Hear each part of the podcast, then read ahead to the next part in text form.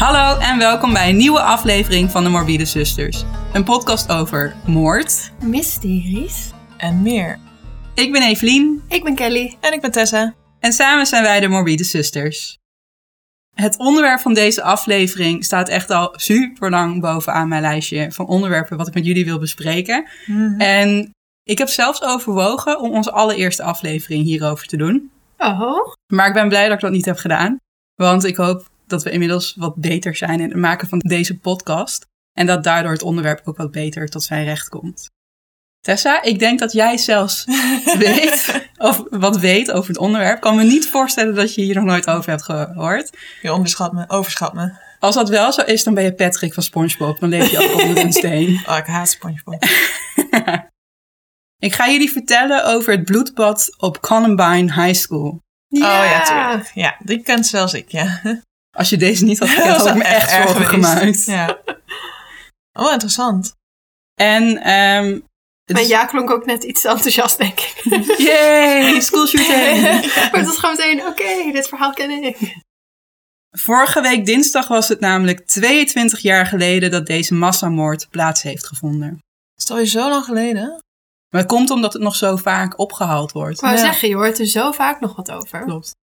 Ik heb bij het voorbereiden van deze aflevering natuurlijk weer verschillende bronnen gebruikt en geraadpleegd, waaronder meerdere documentaires. De belangrijkste die ik wil benoemen is een tweedelige documentaire van Nation Squid uit 2018. Mocht je deze documentaire zelf willen bekijken, dan kan je de link vinden in de show notes van deze aflevering op onze website. Het is dinsdag 20 april 1999, een vrij normale schooldag op Columbine High School in Littleton, Colorado in de Verenigde Staten. Columbine is een rustige middenklasse buurt met voornamelijk witte inwoners. Er gaan zo'n 2000 scholieren naar de lokale high school. Om tien over elf ochtends komt de 18-jarige Eric Harris aan bij Columbine High School, waar hij zijn auto parkeert op de toegewezen parkeerplek van een andere student. Niet veel later arriveert ook de 17-jarige Dylan Klebold. En ook hij parkeert zijn auto op een parkeerplek die niet voor hem is bestemd. Eric en Dylan hebben beide hun auto aan een zijde van de westingang van de school geparkeerd. Om 14 over 11 lopen de twee tieners, gekleed in lange zwarte jassen, de school binnen met twee grote reistassen die propaanbommen bevatten. Deze reistassen zetten ze neer op de grond in de kantine, waar standaard zo'n 400 rugtassen van scholieren liggen. De bommen zijn getimed om op 17 over 11 af te gaan. Ze hadden drie minuten de tijd om het daar neer te zetten. Eric wist dat de kantine op dat moment van de dag het drukst bezocht werd. Er zouden dan zo'n 488 scholieren in de kantine zijn. Nadat Eric en Dylan de bommen in de kantine hebben geplaatst, gaan ze weer naar buiten, richting hun auto's. Vanuit hun auto's hebben ze goed zicht op de kantine. Ze waren van plan om alle scholieren die weg probeerden te vluchten van de explosie dood te schieten. Ze hadden ook bommen in hun auto's geplaatst die om stipt 12 uur af zouden gaan. Omdat de bommen in de kantine niet afgingen, veranderden Eric en Dylan van plan. Om 19 over 11 liepen ze weer richting de school, richting de westingang. In plaats van naar binnen te gaan, gaan ze buiten bij de westingang bovenaan de trap staan. Van onder hun lange jassen toveren ze vuurwapens vandaan. Eén had een geweer en een afgezaagd jachtgeweer. De ander had een semi-automatisch handgeweer en ook een afgezaagd jachtgeweer. Dylan gooit tussendoor nog een pijpbom richting de parkeerplaats, maar deze gaat slechts gedeeltelijk af. Medescholieren zagen dit daarom dan ook eh, voor vuurwerk aan. Als eerste werd de 17-jarige Rachel Scott en Richard Castaldo geraakt. Zij waren op dat moment buiten op het gras aan het lunchen. Rachel werd drie keer geraakt, maar overleed aan het vierde schotwond door haar hoofd. Richard werd acht keer geraakt, maar overleefde het. Hij zal de rest van zijn leven verlamd zijn vanaf zijn buik.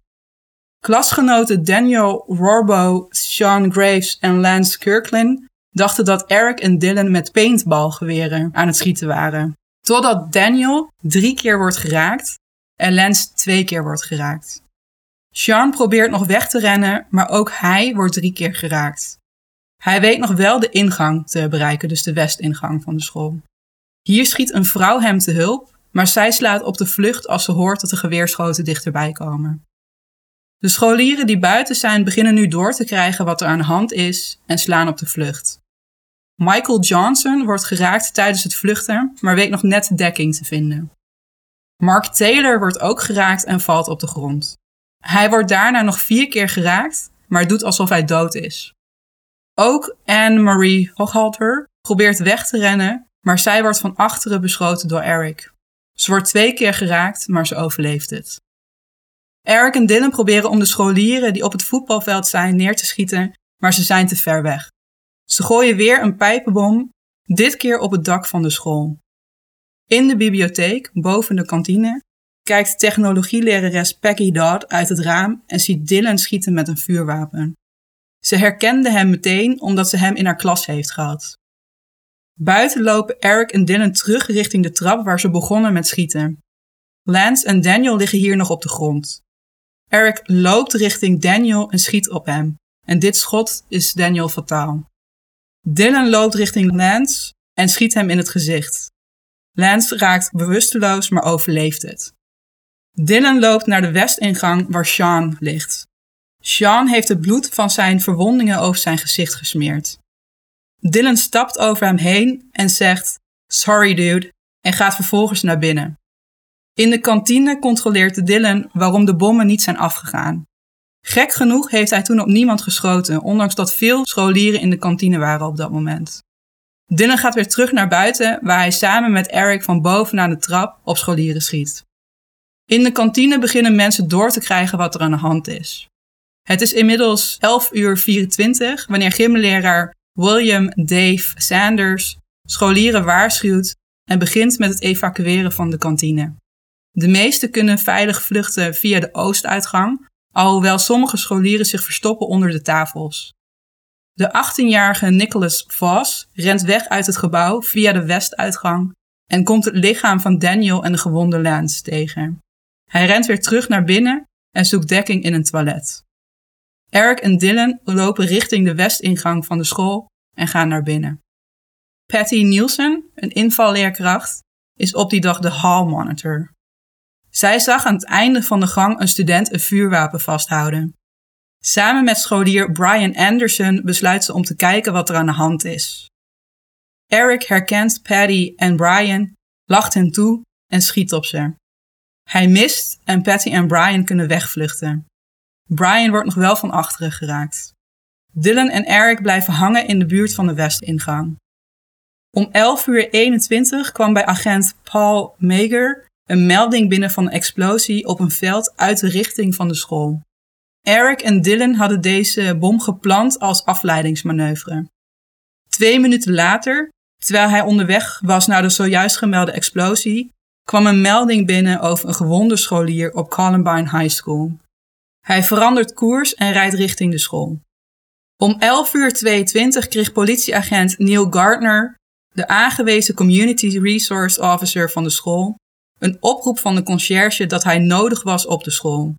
Neil zat op dat moment te lunchen in zijn auto. Bij het uitstappen uit de auto werd hij beschoten door Eric. Hij schiet meerdere keren terug, maar mist. Eric verschuilt zich achter de deuren en ramen van de westingang. Patty en Brian zijn inmiddels naar boven gevlucht, naar de bibliotheek, boven de kantine. Ze waarschuwen hier iedereen dat een medescholier met een vuurwapen rondloopt. Liz Keating, de bibliothecaresse, probeert samen met een leerkracht de scholieren te evacueren.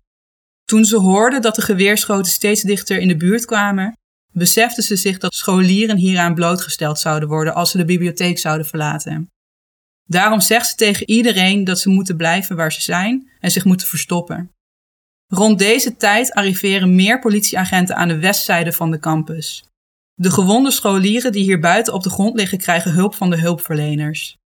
Ondertussen blijft Eric, nog steeds verstopt bij de westingang, schieten op de agenten en op de hulpverleners. Na een tijdje is hij dit zat en besluiten hij en Dylan om echt naar binnen heen te gaan. Eenmaal binnen schieten ze om zich heen in de wandelganger. Op dat moment hebben Stephanie Munson en Melissa Walker les. Zodra ze doorhebben wat er aan de hand is, proberen ze weg te vluchten.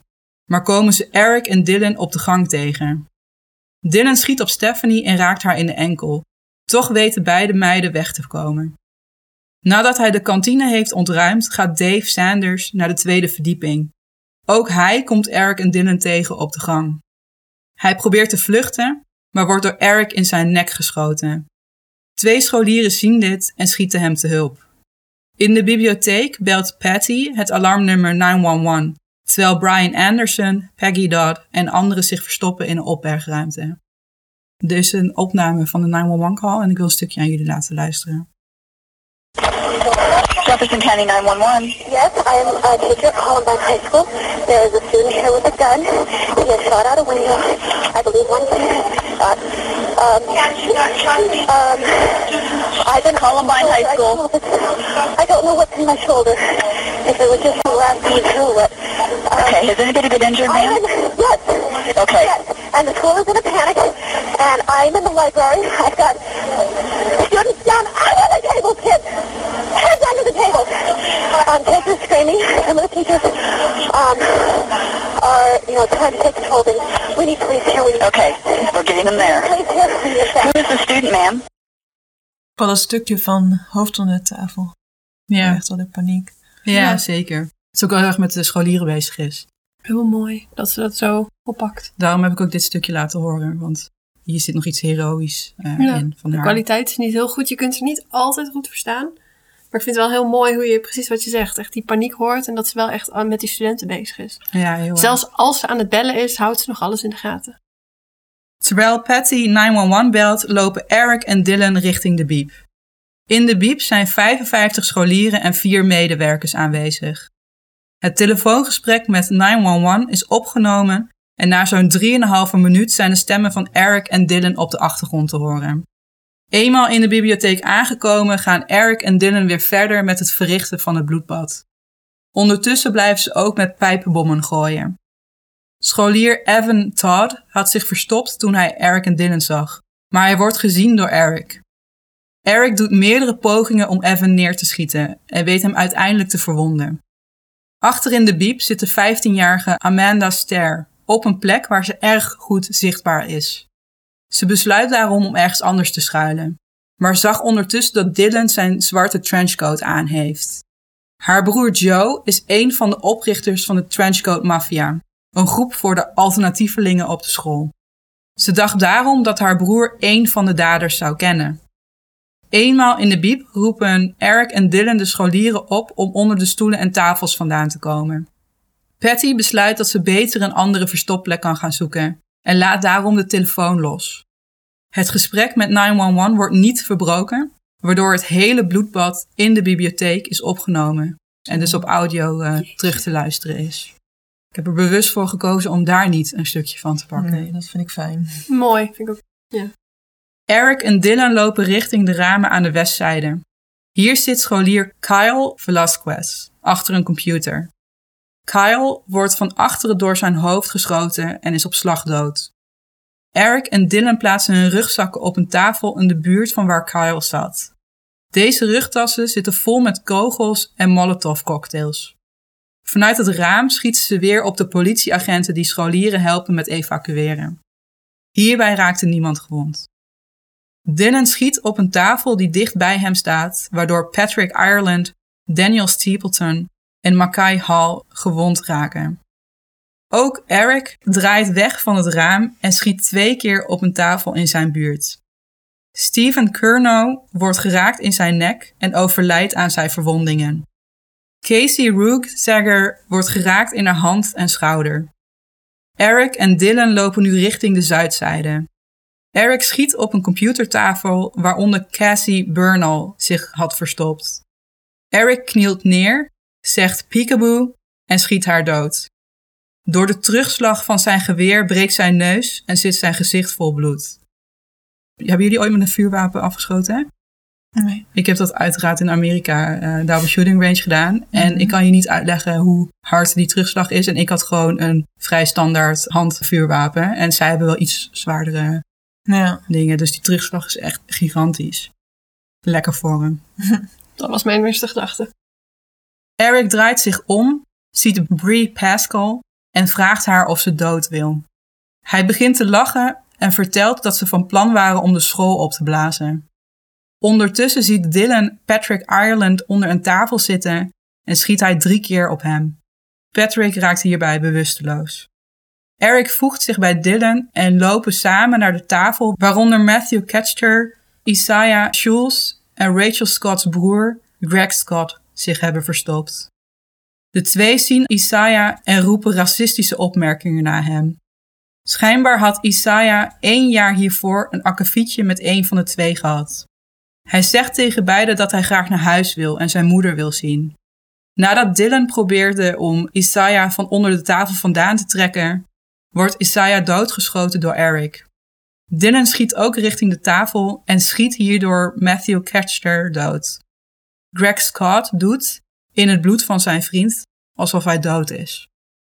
Eric gooit een kleine pijpbom richting de tafel waar Patrick, Mackay en Daniel zojuist gewond zijn geraakt. Het lukt Mackay om onopvallend de bom richting een leeg gedeelte van de bibliotheek te gooien. Direct daarna gaat de bom af, maar niemand werd erdoor geraakt. Eric en Dylan lopen richting de oostzijde en Dylan schiet op een kast vol trofeeën. Mark Kinchin raakt hierdoor gewond. Dylan schiet eenmalig op tafels aan zijn linkerzijde, waarbij Lisa Kreutz, Faline Schnur en Lauren Townsend gewond raakten. Hij schiet dan nog negen keer met zijn semi-automatische wapen. Het laatste schot is fataal voor Lauren. De zwaargewonde Faline schreeuwt om hulp. Eric terroriseert haar door te vragen of ze in God gelooft. Eric schiet op de tafel achter hem en hierdoor raakt Jana Park gewond. Hij loopt naar de volgende tafel waaronder Nicole Nowlen en John Tomlin verstopt zitten. Hij schiet op hun beiden, maar John probeert te vluchten. Dylan schiet hem vervolgens dood. Eric en Dylan lopen terug naar de tafel waaronder Faline en Lisa zitten. Omdat er niet genoeg ruimte is, kan Kelly Fleming er niet onder schuilen. Ze wordt doodgeschoten door Eric. Hij schiet nog in het rond, waarbij hij Lauren Townsend en Lisa Kreutz nogmaals raakt. Eric en Dylan lopen terug naar het midden van de bibliotheek om daar hun wapens te herladen. De 18-jarige John Savage zit hier ergens verstopt en hij wordt herkend door Eric. John was redelijk goed bevriend met Dylan en Eric en Dylan besluiten om hem niet te doden. Lijkt me trouwens ook heel raar Naar. als overlevende, ja. Krijg je toch zo'n schuldgevoel van, Ja. lees je heel vaak. eh. ja. Ze zeggen hem dat hij moet wegrennen, wat hij vervolgens natuurlijk doet. Via de kantine rent hij voor zijn leven. Eric en Dylan gaan verder met het bloedbad. Eric schiet op Daniel Mauser, maar Daniel probeert Eric met een stoel aan te vallen. Eric schiet vervolgens Daniel van dichtbij in zijn gezicht. Daniel is op slag dood. Eric en Dylan lopen dan weer richting de zuidzijde waar Jennifer Doyle, Austin Eubanks en Corey de Pooter verstopt zitten. Ze schieten op de drie scholieren en Jennifer en Austin raken gewond. Corey is op slag dood. Eric en Dylan lopen richting de balie, niet ver van waar Patty Nielsen verstopt zit. Eric gooit een Molotov cocktail richting de zuidzijde, maar deze gaat niet af. Ze komen voor de tweede keer Evan Todd tegen, die inmiddels naar de andere kant heen is gegaan nadat hij gewond was geraakt in zijn gezicht. Dylan, die een hekel had aan jogs, oftewel atleten, vraagt Evan of hij een atleet is. Hij vraagt Evan om één goede reden waarom hij niet zou moeten sterven. Evan zegt dat hij niet in de problemen wil komen. Dylan reageert hier boos op en zegt dat Evan geen idee heeft wat echte problemen zijn. Evan zegt hierop dat hij nooit problemen met Eric en Dylan heeft gehad. Dylan besluit dat Eric het lot van Evan mag bepalen. Eric was op dat moment niet aan het opletten en zegt tegen Dylan: Let's go to the commons. In zeven minuten tijd hebben Eric en Dylan tien mensen vermoord en zijn er twaalf mensen gewond geraakt in de bibliotheek. Het is inmiddels 11 uur 36. Eric en Dylan slaan nog een paar dingen kapot in de bibliotheek om vervolgens weer naar beneden te gaan, richting de kantine. Ze hadden genoeg kogels bij zich om iedereen in de bibliotheek te vermoorden, maar lijken hier geen zin meer in te hebben.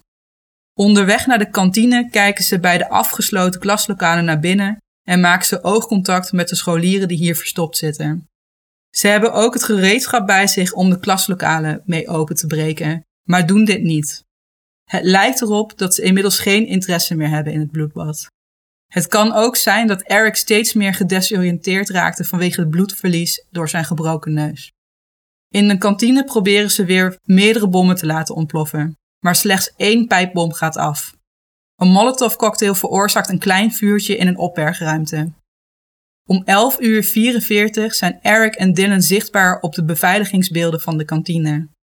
Eric schiet op één van de propaanbommen die 27 minuten eerder af had moeten gaan. Weer gaat de bom niet af. Ook Dylan doet een poging om de bom af te laten gaan en ook dit mislukt.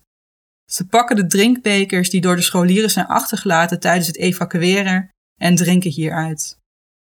Dylan doet nog een laatste poging om de propaanbommen af te laten gaan, door er een kleine pijpbom op te gooien. Dit veroorzaakt een explosie die hard genoeg is om de ramen in de kantine te laten barsten en een aantal sproeiers af te laten gaan. Twee minuten later lopen Eric en Dylan weer naar boven, denkend dat de propaanbommen eindelijk af zijn gegaan. Ze hebben niet door dat het water uit de sproeiers het vuur heeft gedoofd voordat het in de buurt van een propaantank kon komen. Als het de tieners was gelukt om de bommen te laten ontploffen, dan is de kans groot dat het plafond naar beneden zou zijn gestort, met daarmee de tweede verdieping van het gebouw. Ondertussen lopen Eric en Dylan naar de kantoorruimtes die zich boven bevinden en schieten ze doelloos om zich heen. Weer maken ze oogcontact met scholieren die verstopt zitten in afgesloten klaslokalen en toiletten. Ze dreigen iedereen te doden die ze kunnen, maar doen geen verdere pogingen. Tien minuten later, om 11 uur 56, gaan ze weer terug naar de kantine en zien ze dat de bom toch niet is afgegaan.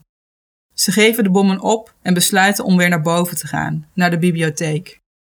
De bibliotheek is inmiddels geëvacueerd op de dodelijke slachtoffers en een aantal gewonden naar.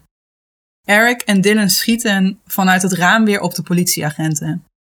Vanuit het raam konden ze zien dat hun autobommen, die om stipt 12 uur af zouden gaan, niet zijn afgegaan.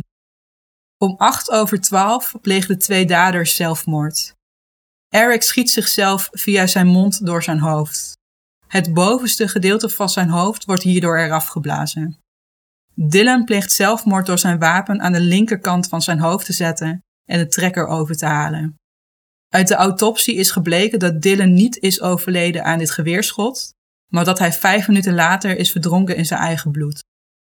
Ondanks dat de politie al vroeg ter plekke was en de daders rond het middaguur zelfmoord pleegden, werd de school pas om kwart voor vijf smiddags vrijgegeven door een SWAT-team. De politie heeft ontzettend veel kritiek gekregen op hun optreden omdat ze erg afwachtend waren. Ze hebben namelijk alleen maar rondom de uh, school in een positie gezeten, maar ze zijn geen enkele keer naar, hebben ze een poging gedaan om naar binnen te gaan. Naar eigen zeggen was dit omdat ze handelden volgens procedure, maar sindsdien is deze procedure aangepast. Als er nu een active school uh, shooter is, een school shooting situation, dan gaan de agenten meteen naar binnen. Uh, gaan ze ook niet eerst de gewonden helpen, gewoon meteen naar de school shooter en uh, die overmeesteren. In minder dan een uur tijd zijn er 15 mensen gedood, waaronder de twee daders en 13 slachtoffers. De 17-jarige Rachel Scott en de 15-jarige Daniel Rorbo zijn buiten bij de westingang doodgeschoten door Eric.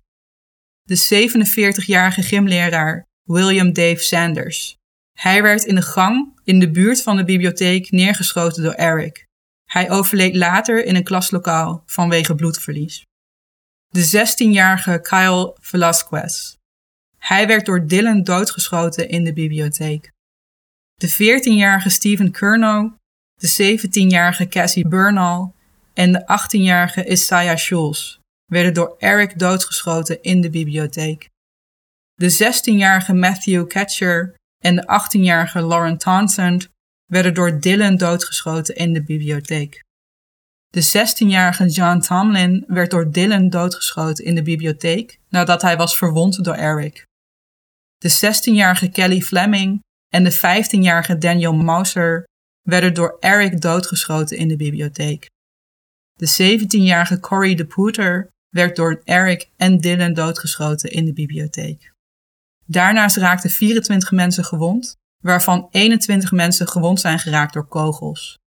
De daders hadden als doel om een aanslag te plegen met meer slachtoffers, met meer doden, dan de Oklahoma City bombing vier jaar eerder, waarbij 168 mensen dood zijn gegaan.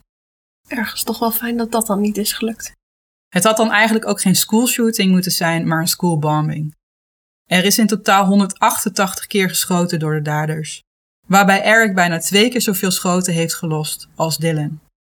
De daders, de 18-jarige Eric Harris en de 17-jarige Dylan Klebold, waren laatstejaars scholieren.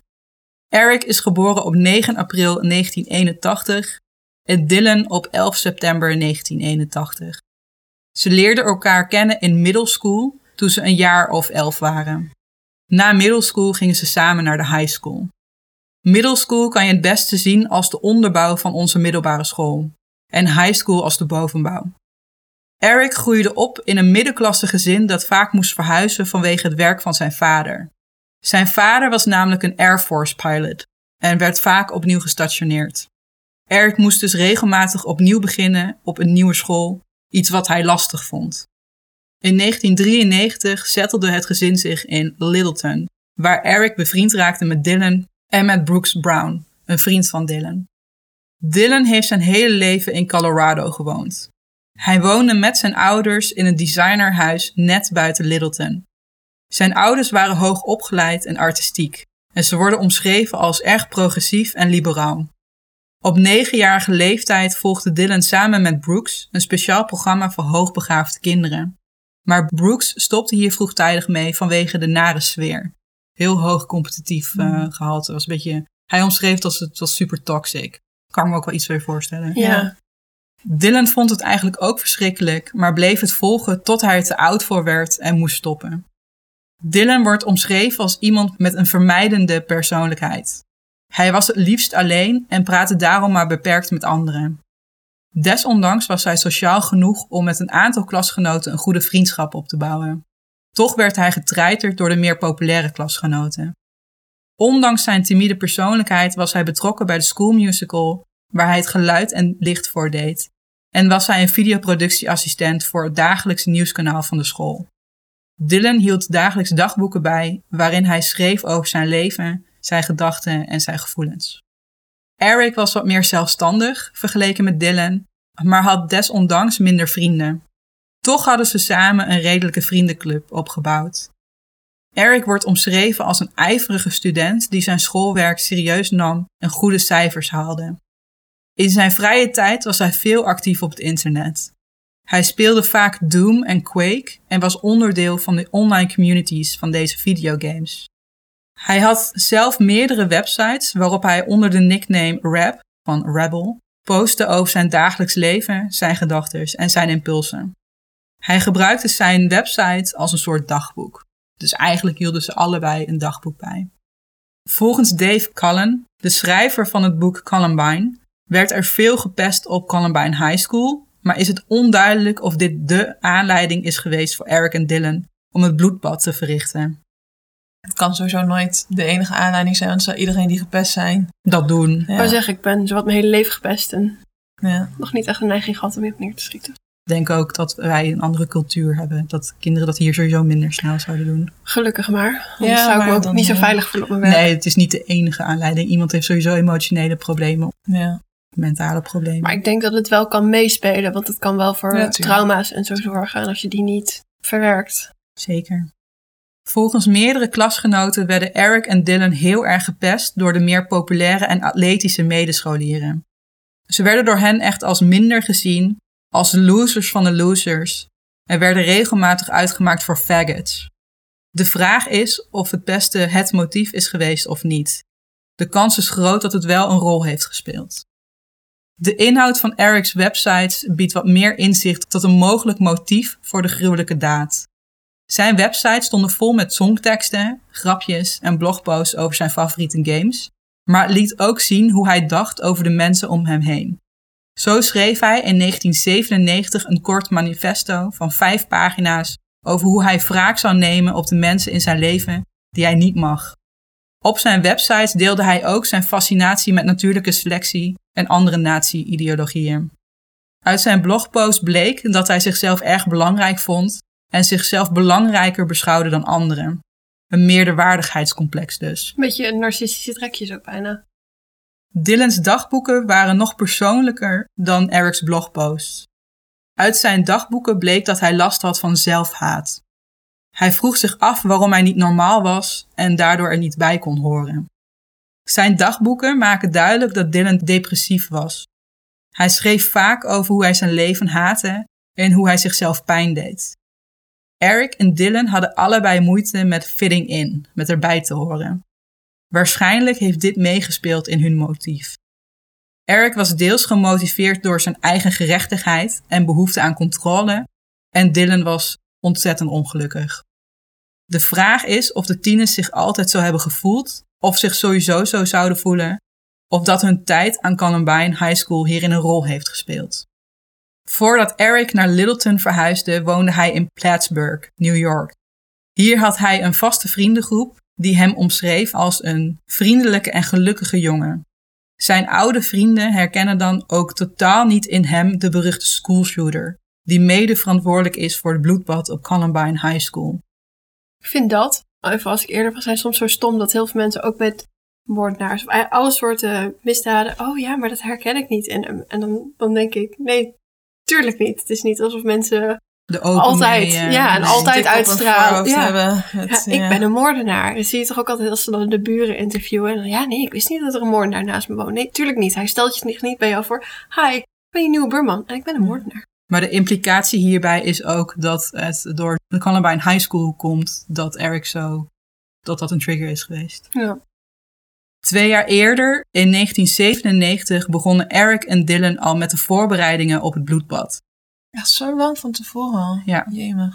Dit is echt niet iets wat ze in een impuls eh, hebben gedaan. Kan ook niet als je ziet wat ze allemaal mee goed. hadden. Maar toch, eh, twee jaar is echt Twee jaar is helemaal, flink dat op middelbare school is dat gewoon het grootste deel van je tijd daar. Ja. Ja. In dat jaar begonnen Eric en Dylan samen te werken bij Blackjack Pizza en werd hun vriendschap hechter dan ooit. Tijdens hun werk bij deze pizzeria experimenteerden ze met zelfgemaakte bommen. Iets wat hun wel eens in de problemen bracht met hun leidinggevende. Dit experimenteren deden ze vaak vlak bij de pizzeria. Niet bepaald in het geheim dus. Toch gingen er geen rode vlaggen op. Het is ook rond deze tijd dat de tieners s'nachts op zogenaamde missies gingen. Volgens Brooks Brown kwamen Eric en Dylan wel eens 's nachts bij hem langs om hem mee te nemen op hun missies. Deze missies bestonden uit huizen ondergooien met toiletpapier, gravity spuiten en planten in potten in de fik steken. Soms waren deze missies een vorm van wraak op schoolgenoten die Eric en Dylan wat gedaan zouden hebben, maar meestal waren ze gewoon voor de lol. Het viel Brooks wel op dat de missies steeds heftiger werden naarmate de tijd verstreek. Ook op school laat Eric op zeer subtiele wijze doorschemeren wat zijn ware bedoelingen zijn. Voor een schoolopdracht schrijft hij over waarom er meer beveiliging op scholen moesten komen, om zo tegen te gaan dat vuurwapens de scholen binnenkomen. Wauw. In zijn essay schrijft Eric over hoe goedkoop het voor scholieren is om een vuurwapen aan te schaffen en hoe sommige scholieren het zelfs lukt om er één voor 69 dollar op de kop te tikken. Hij schrijft dat het net zo makkelijk is om een vuurwapen mee naar school te nemen als een rekenmachine. Rond dezelfde tijd schrijft Dylan in zijn dagboek over het aanschaffen van vuurwapens met als doel om een hoop mensen in korte tijd neer te schieten. Het is duidelijk dat Dylan, net als Eric, ook ideeën had over massale vernietiging. Iets eerder dat jaar kreeg Eric ruzie met gezamenlijke vriend Brooks Brown.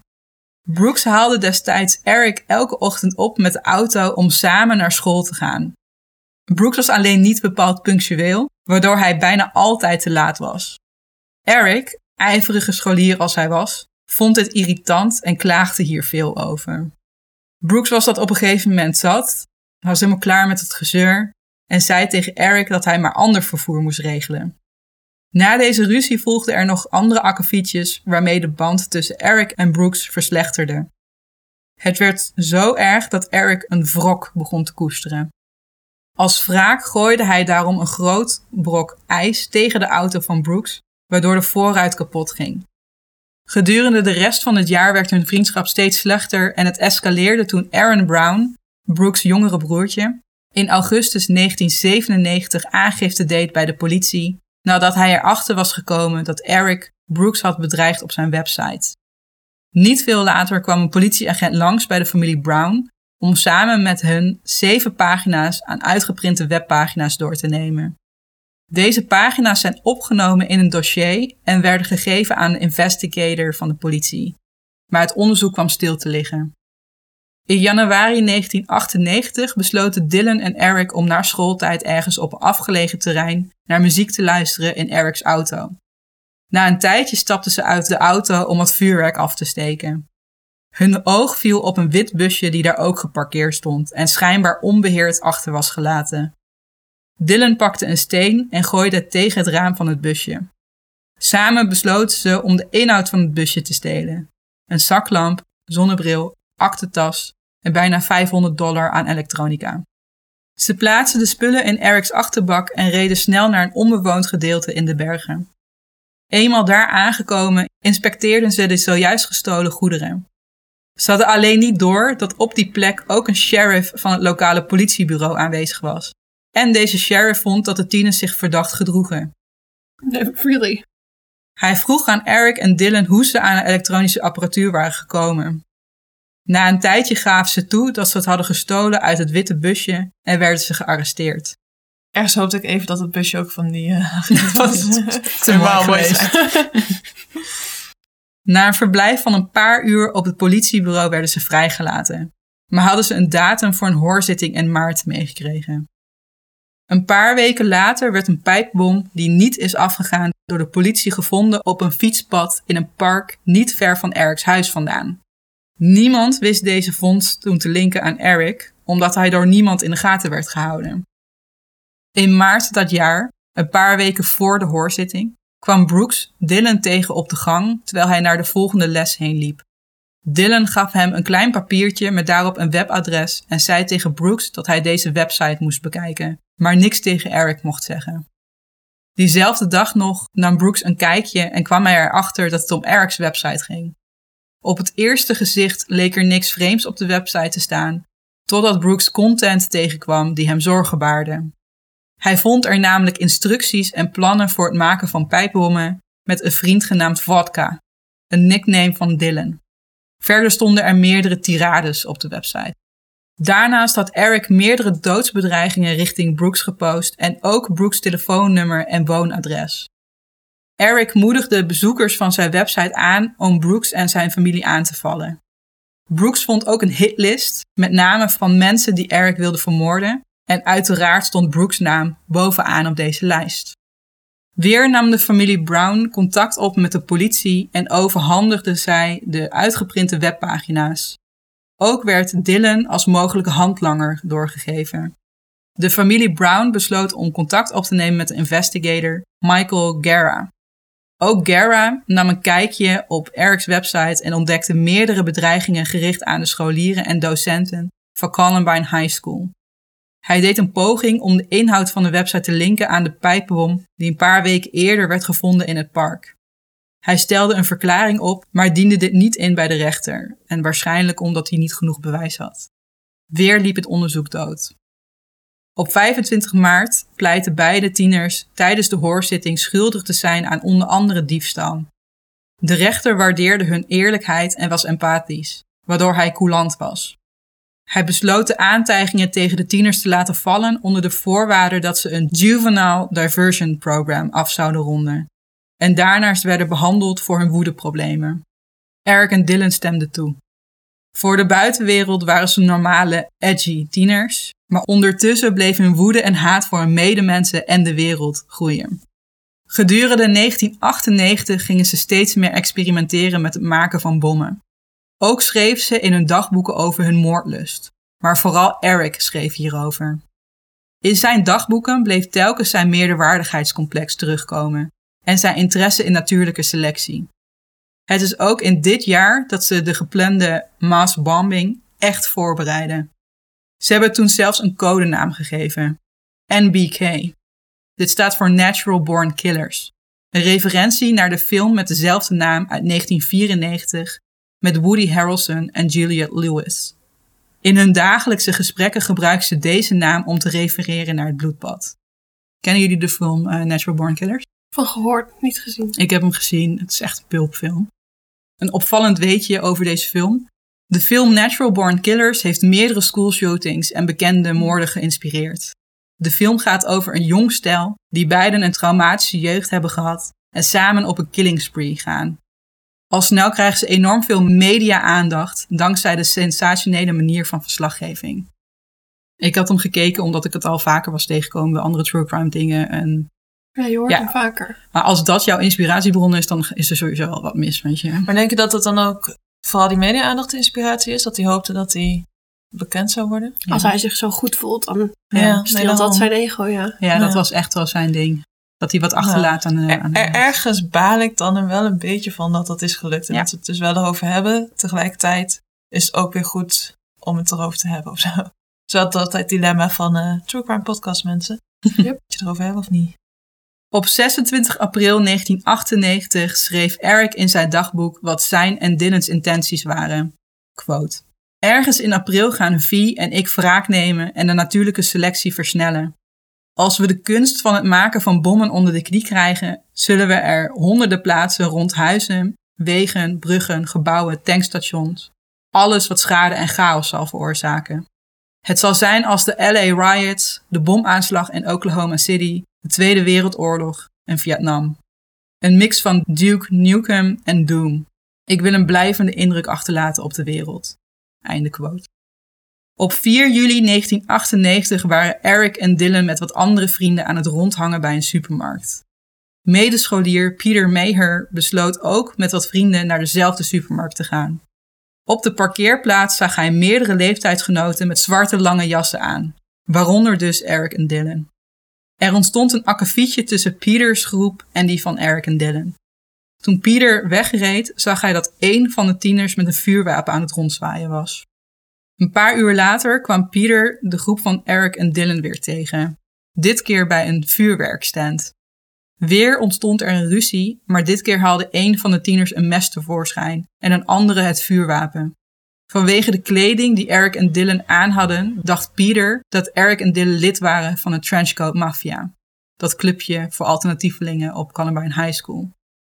Even voor de duidelijkheid, Eric en Dylan waren niet lid van deze club.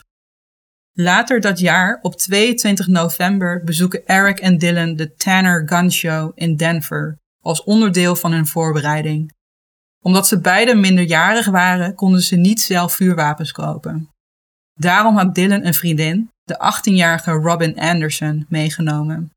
Zij kocht op deze gunshow drie vuurwapens die Eric en Dylan later hebben gebruikt tijdens het bloedbad. Via een collega van Blackjack Pizza, waar de tieners dus werkten, kwamen ze aan andere vuurwapens. Begin 1999 ronden Eric en Dylan het Juvenile Diversion Program en de woedetherapie af. Ze mochten er zelfs eerder mee stoppen vanwege hun goede gedrag. Achteraf gezien is het bekend dat Eric en Dylan meerdere gewelddadige video's hebben gemaakt, de zogeheten basement tapes. Eind december 1998 hebben ze samen met andere studenten een video gemaakt als opdracht voor het vak economie. Ze moesten een bedrijf bedenken en presenteren hoe dit bedrijf zou werken. Ze bedachten een bedrijf waarmee scholieren wraak konden nemen op hun pestkoppen door het inschakelen van een huurmoordenaar. Ze noemden het bedrijf Revenge for Hire, maar later werd het Hitman for Hire genoemd. Bij het presenteren van een video werd het uiteraard als een grap gezien. Ondanks het onderwerp kreeg de hele groep een 10. De docent had nog wel wat feedback. Lose the language and it's perfect. Begin 1999 moest Eric een short story schrijven voor het vak Creative Writing. Hij schreef vanuit de eerste persoon over hoe de protagonist de lichamen van zijn kameraden op de vloer zag opstapelen. Ook Dylan schreef een opvallend verhaal voor hetzelfde vak. Hij schreef over een man die tijdens een killing spree studenten van een universiteit vermoordde. De man werd omschreven als rond de 1,90 meter lang, droeg een lange zwarte jas en was linkshandig. Deze omschrijvingen gingen ook voor Dylan zelf op. De docent nam daarom contact op met zijn ouders omdat de inhoud van het verhaal haar zorgen baarde. Ze nam ook contact op met de mentor. Dylan claimde dat het maar een verhaal was, dat er niet te veel achter moest worden gezocht. Ondertussen had Eric ook weer een verhaal geschreven, dit keer vanuit het perspectief van een kogel dat werd afgevuurd. Het was schijnbaar een grappig verhaal dat goed werd opgevangen door zijn klas en zijn docent. Toch heeft de docent ook contact opgenomen met zijn ouders, omdat zijn verhalen altijd gewelddadig waren. Ja, dan moet er toch een alarmbel afgaan. Ja, maar ja, ik Ja. herken zoveel van die edgy humor en die opmerking van je altijd denkt, dit is niet oké, maar het is zo, Ja, maar als ze dat voor essays en zo gebruiken. ja. Als ik iets opvallends heb, dan ga ik dat toch altijd even bespreken en in de gaten houden.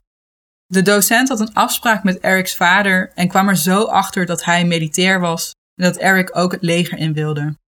Conclusie: Eric's verhalen zijn een reflectie van zijn ambities. Niets meer dan dat. Eric heeft contact gehad met een marinier over de mogelijkheid om zich aan te melden bij de marine, maar het schijnt dat hij vlak voor het bloedbad te horen heeft gekregen dat hij niet toegelaten kon worden, omdat hij antidepressiva slikte. En ik zeg schijnt, want het wordt ook gezegd dat hij het niet wist. Het is niet bekend of hij het wel of niet wist. Het besluit was al genomen dat hij sowieso niet eh, aan kon melden. Rond deze tijd, ergens in maart 1999, schreven Eric en Dylan hun exacte plannen voor het bloedbad uit en maakten ze vele schetsen. Van de kleding die ze zouden dragen tot aan de wapens. Zo hadden ze bedacht dat ze beiden opvallende t-shirts zouden dragen onder hun lange, donkere jassen. Eric droeg tijdens het bloedbad een wit t-shirt waarop in zwarte letters de tekst Natural Selection stond. Dylan droeg een zwart t-shirt waarop in rode letters het woord Wrath stond. Hun voorbereiding was dus erg nauwkeurig en alles werd goed gepland. Ook gingen ze natuurlijk door met oefenen. Niet alleen het bouwen van bommen, maar ook natuurlijk oefenen met schieten. Eric's buren begonnen rond deze tijd te klagen over geluidsoverlast, alsof er veel glas werd gebroken en er een verbouwing aan de gang was. Ook zou Dylan's auto vaak in de straat geparkeerd staan.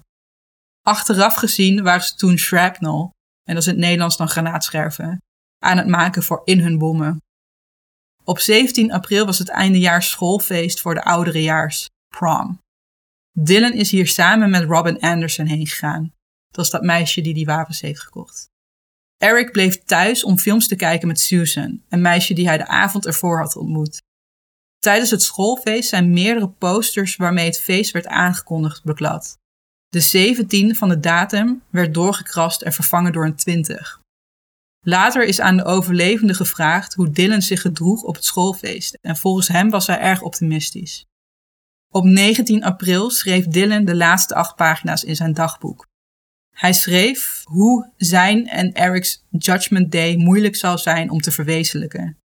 Verder spreekt hij zijn opwinding uit over de gebeurtenis die de dag erna zal plaatsvinden en schreef hij dat hij ernaar uitkeek om te sterven. Op de laatste pagina heeft hij het exacte tijdschema van de geplande aanval uitgeschreven. Eric liet de ochtend van het bloedbad een microcassettetape achter op de keukentafel getiteld Nixon. De tape is vermoedelijk rond half drie s'nachts opgenomen. Op de tape is te horen dat Eric zegt dat mensen door hem zullen sterven en dat het een dag zal zijn die nooit vergeten zal worden. Op 20 april, voordat het bloedbad begon, had Brooks Brown al door dat Eric afwezig was. Ze hadden namelijk een belangrijke toets voor filosofie. Aangezien Eric zijn schoolwerk erg serieus nam, was zijn afwezigheid bij deze toets erg opvallend. Na de toets ging Brooks naar buiten om een sigaretje te roken en was hij aan het overwegen om eerder naar huis te gaan. Tijdens het roken kwam hij Eric tegen, die tegen hem zei dat hij de school moest verlaten, omdat Eric hem nu wel weer mag. Eric en Brooks hadden het namelijk drie maanden eerder, ergens in januari, weer goed gemaakt. Er wordt gedacht dat dit is waarom Eric Brooks adviseerde om naar huis te gaan. Maar Brooks' moeder denkt dat Eric Brooks niet heeft neergeschoten, omdat dat het plan in de war zou schoppen. Dan hadden mensen eerder doorgehad wat er aan de hand was. Brooks volgde overigens Eric's advies op en is direct naar de ontmoeting weggelopen van de campus. Het bloedbad op Columbine High School had dus eigenlijk een bomaanslag moeten zijn. De tieners hebben enorm veel geoefend met het maken van bommen en volgens hun originele plan zouden deze bommen enorm veel doden opleveren. Ze hebben alleen een cruciale fout gemaakt. Dankzij Eric's website weten we nu dat hij en Dylan het boek The Anarchist Cookbook uit 1971 hebben gebruikt als instructies voor het maken van bommen. Wat zij waarschijnlijk niet wisten is dat de informatie in dit boek niet betrouwbaar is. Ook hebben ze een inschattingsfout gemaakt qua hoe zwaar de explosieven moesten zijn die zij nodig hadden voor het succes van hun aanslag. Ze konden zulke zware explosieven namelijk niet testen zonder dat dit zou opvallen, waardoor hun explosieven minder krachtig bleken te zijn dan ze hadden gehoopt. Er wordt gedacht dat de tieners bewust voor 20 april hebben gekozen omdat dit de geboortedag is van Adolf Hitler. Het schijnt dat ze de aanslag eigenlijk de dag ervoor wilden plegen, op 19 april. Dan was het exact vier jaar na de bomaanslag in Oklahoma City geweest, wat een grote inspiratiebron voor hun was. Over het ware motief voor het bloedbad kunnen we alleen maar speculeren. De FBI concludeert dat beide tieners last hadden van mentale stoornissen. Zo zou Eric een klinische psychopaat zijn en was Dylan depressief. Dr. Wayne Fuselier, die ging over het onderzoek naar het bloedbad, zei hier later over dat hij dacht dat Eric naar de school ging om te moorden en het hem niet uitmaakte of hij doodging, en dat Dylan naar school ging om te sterven en het hem niet uitmaakte of anderen ook doodgingen. Deze theorie is overgenomen door Dave Cullen, de schrijver van het boek Columbine uit 2009. Hierin wordt Eric omschreven als het grote brein achter het plan, die vanwege zijn meerwaardigheidscomplex hoopte de wereld te kunnen laten zien hoe superieur hij wel niet was.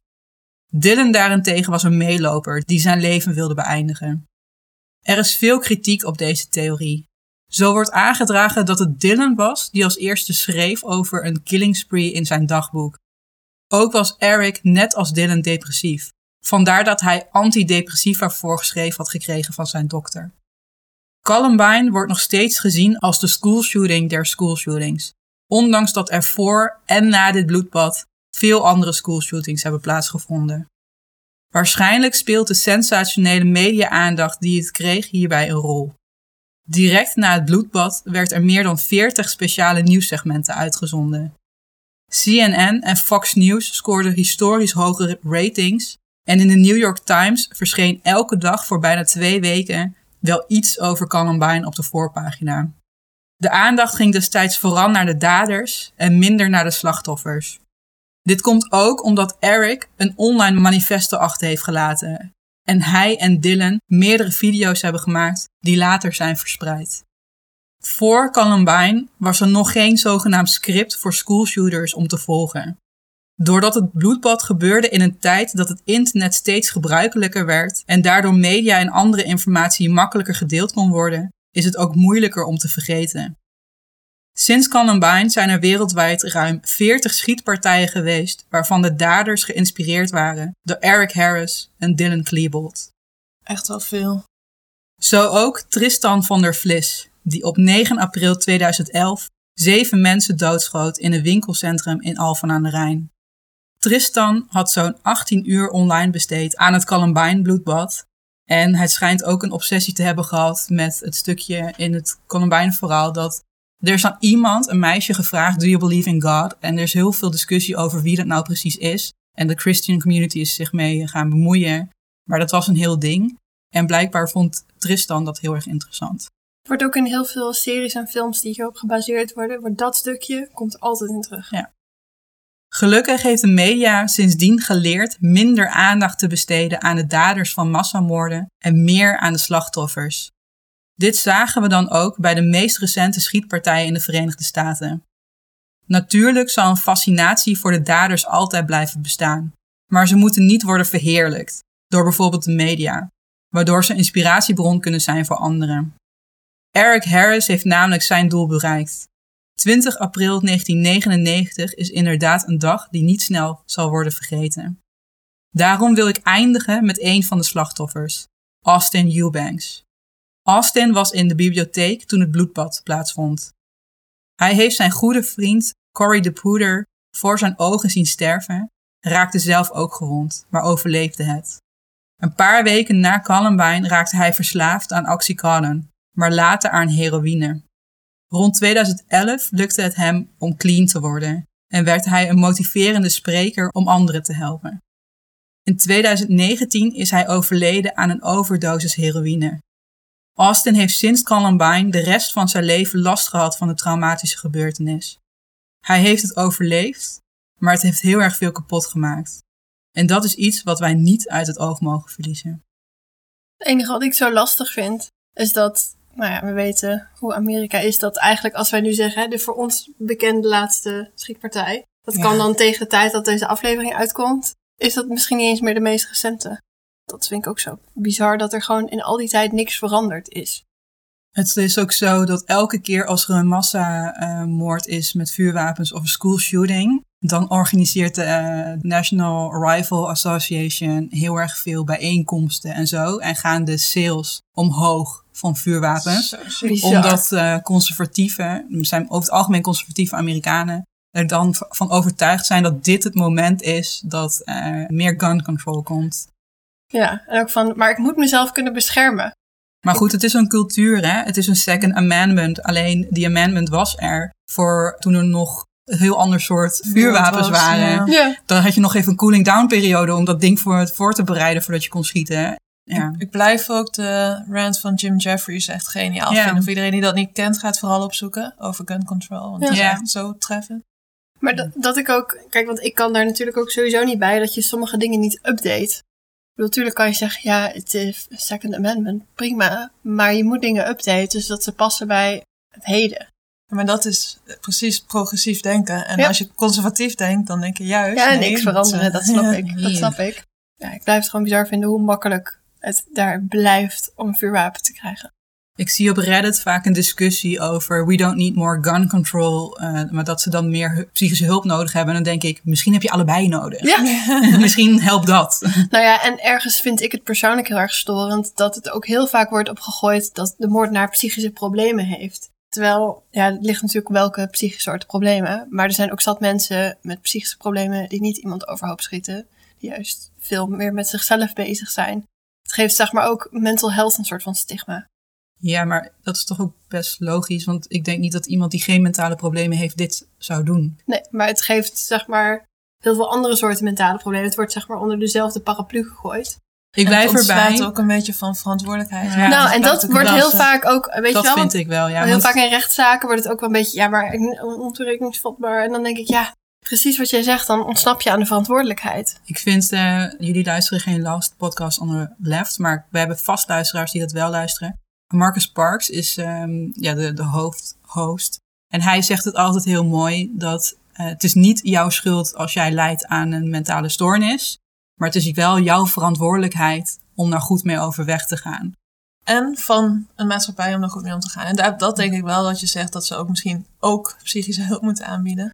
Daarom is het ook vooral bij dit zo typerend dat in plaats van te kijken dat deze jongens, die waren mentaal niet gezond, is het makkelijker om te zeggen het komt omdat ze naar Marilyn Manson hebben geluisterd. Of dat ze inderdaad Doom en Quake speelden. Ja, Of- want dit werd toch ook heel erg afgezet op, op gaming. ja, nu moet ik daar wel bij zeggen dat het wel echt zo is dat Natural Born Killers, die film, is wel echt een inspiratiebron voor hun geweest. Dus daar kun je wel wat... eh, wat Ja. dat ik toch nog even meer Maar er werd toch ook- erbij halen. Ja. Want wat ik uiteindelijk... Het is echt toevallig omdat ik het daar nu gewoon ook les in geef. Maar wat ik wel... eh, dus John Rawls, bekende filosoof, die zegt ook... Je moet eigenlijk de rechtvaardiging van het strafsysteem in totaal... moet je scheiden van rechtvaardig van een straf bij een individu. En het is heel goed om naar dit soort oorzaken te kijken. Om te kijken, kunnen we nou zorgen dat uiteindelijk we misdaad in het algemeen verminderen? Maar dat betekent niet dat een individu, ondanks dat er allerlei verklaringen zijn voor zijn gedrag, die heeft nog steeds wel schuld. Ja, die heeft nog steeds zelf gekozen om iets te doen wat hij ook Ja. niet had kunnen doen. Bijvoorbeeld, je moet kijken, heeft muziek invloed? Je moet kijken, heeft game invloed? Zodat als het wel zo is, dat je in het algemeen kan zorgen dat er minder gebeurt. Maar dat betekent niet dat als jij daardoor iets bent gaan doen, dat dat je ontslaat van... Nee, natuurlijk niet. Absoluut. Het is niet zo dat ze die film... Ik heb die film toch ook gezien. Ik heb geen enkel moment intentie gehad om een boel mensen over Ook als het wel zo was, dan kan je niet de film de schuld Nee, geven. helemaal Nee. niet. Nee, maar dat is het. Want als dat wel zo was, als het door een film zou komen, zouden miljoenen mensen Ja. Ja. het eh, vervolgens gaan eh, doen. Ik vind inderdaad dat je nooit het medium de schuld van iets kan geven. Alhoewel ik het wel vind in dit geval. Want deze zaak, en wij zijn daar nu op dit moment ook onderdeel van. Wij zijn ook medeplichtig daaraan. Door de media-aandacht blijft het natuurlijk bestaan. Ik vind het ook geen optie om het maar te doen alsof het niet is gebeurd. Alsof Want dat vind ik ook niet eh, eerlijk naar de Ik stad. denk dat ik Maar het ik denk misschien ook anders vind als het hierna niet meer veel was voorgekomen. Ja, maar dat omdat het waar. nog zo actueel onderwerp blijft. Maar echt gewoon tot een paar maanden geleden nog. Hè? was zelfs zo een paar jaar geleden dat op 20 april op een high school in Colorado eh, was er een schoolshooter opgepakt op tijd. Die meteen zei van eh, ja, maar het is 20 april. eh, er zullen er vast nog wel meer zijn in eh, Amerika die dit op dit moment doen. En het is wel een ding op 20 april. Ja. Maar ik vind het heel mooi, want al die documentaires die ik heb gekeken, die gaan heel erg over de slachtoffers en heel erg hun verhaal en hoe het voor hun was. En dat vond ik echt fantastisch. Daar werden Eric en Dylan eigenlijk bijna niet genoemd en ook heel weinig bij naam genoemd. Maar was Columbine een overwegend witte school? Of? Ja. Ja. Oké. Het was echt eh, middenklasse, overwegend wit. Hmm. Dit was het type school waarbij, als je daar al die nieuwsfragmenten ziet van I never expected it to happen here. Toch, Het was gewoon een redelijk goede school, Hmm. maar wel een school waar heel veel gepest werd. Maar dat is Ja. op veel scholen. Het blijft ook zo moeilijk, beste. Hoe je daarmee om moet gaan en wat het doet met pubers. Absoluut. Maar ik denk toch wel altijd, want ik heb zelf ook wel eens meegemaakt dat docenten het dan niet serieus nemen. En dan denk Mhm. ik, ik snap, nu, zeker nu ik ook zelf docent ben, dat het soms heel moeilijk is om wat te doen. Maar een luisterend oor bieden en het serieus Ja. nemen is stap 1. Dit was het verhaal over het bloedbad op Columbine High School. Luister je naar ons en vind je nou onze podcast interessant om naar te luisteren? Geef ons dan een 5 sterren rating in de podcast app waarin je luistert. Of nog beter, laat een review achter. Hier help je ons echt heel erg mee en sowieso natuurlijk ook door ons aan te bevelen aan anderen. Wij zijn natuurlijk ook te vinden op social media. Wij hebben Facebook, Instagram en Twitter. Op Instagram en Facebook heten we De Morbide Zusters en op Twitter Morbide Zusters. We hebben natuurlijk ook een website www.demorbidezusters.nl en hier kan je voor elke aflevering het script en de bijhorende bronnenlijst vinden. Dit waren de Morbide Zusters. Tot, de volgende keer.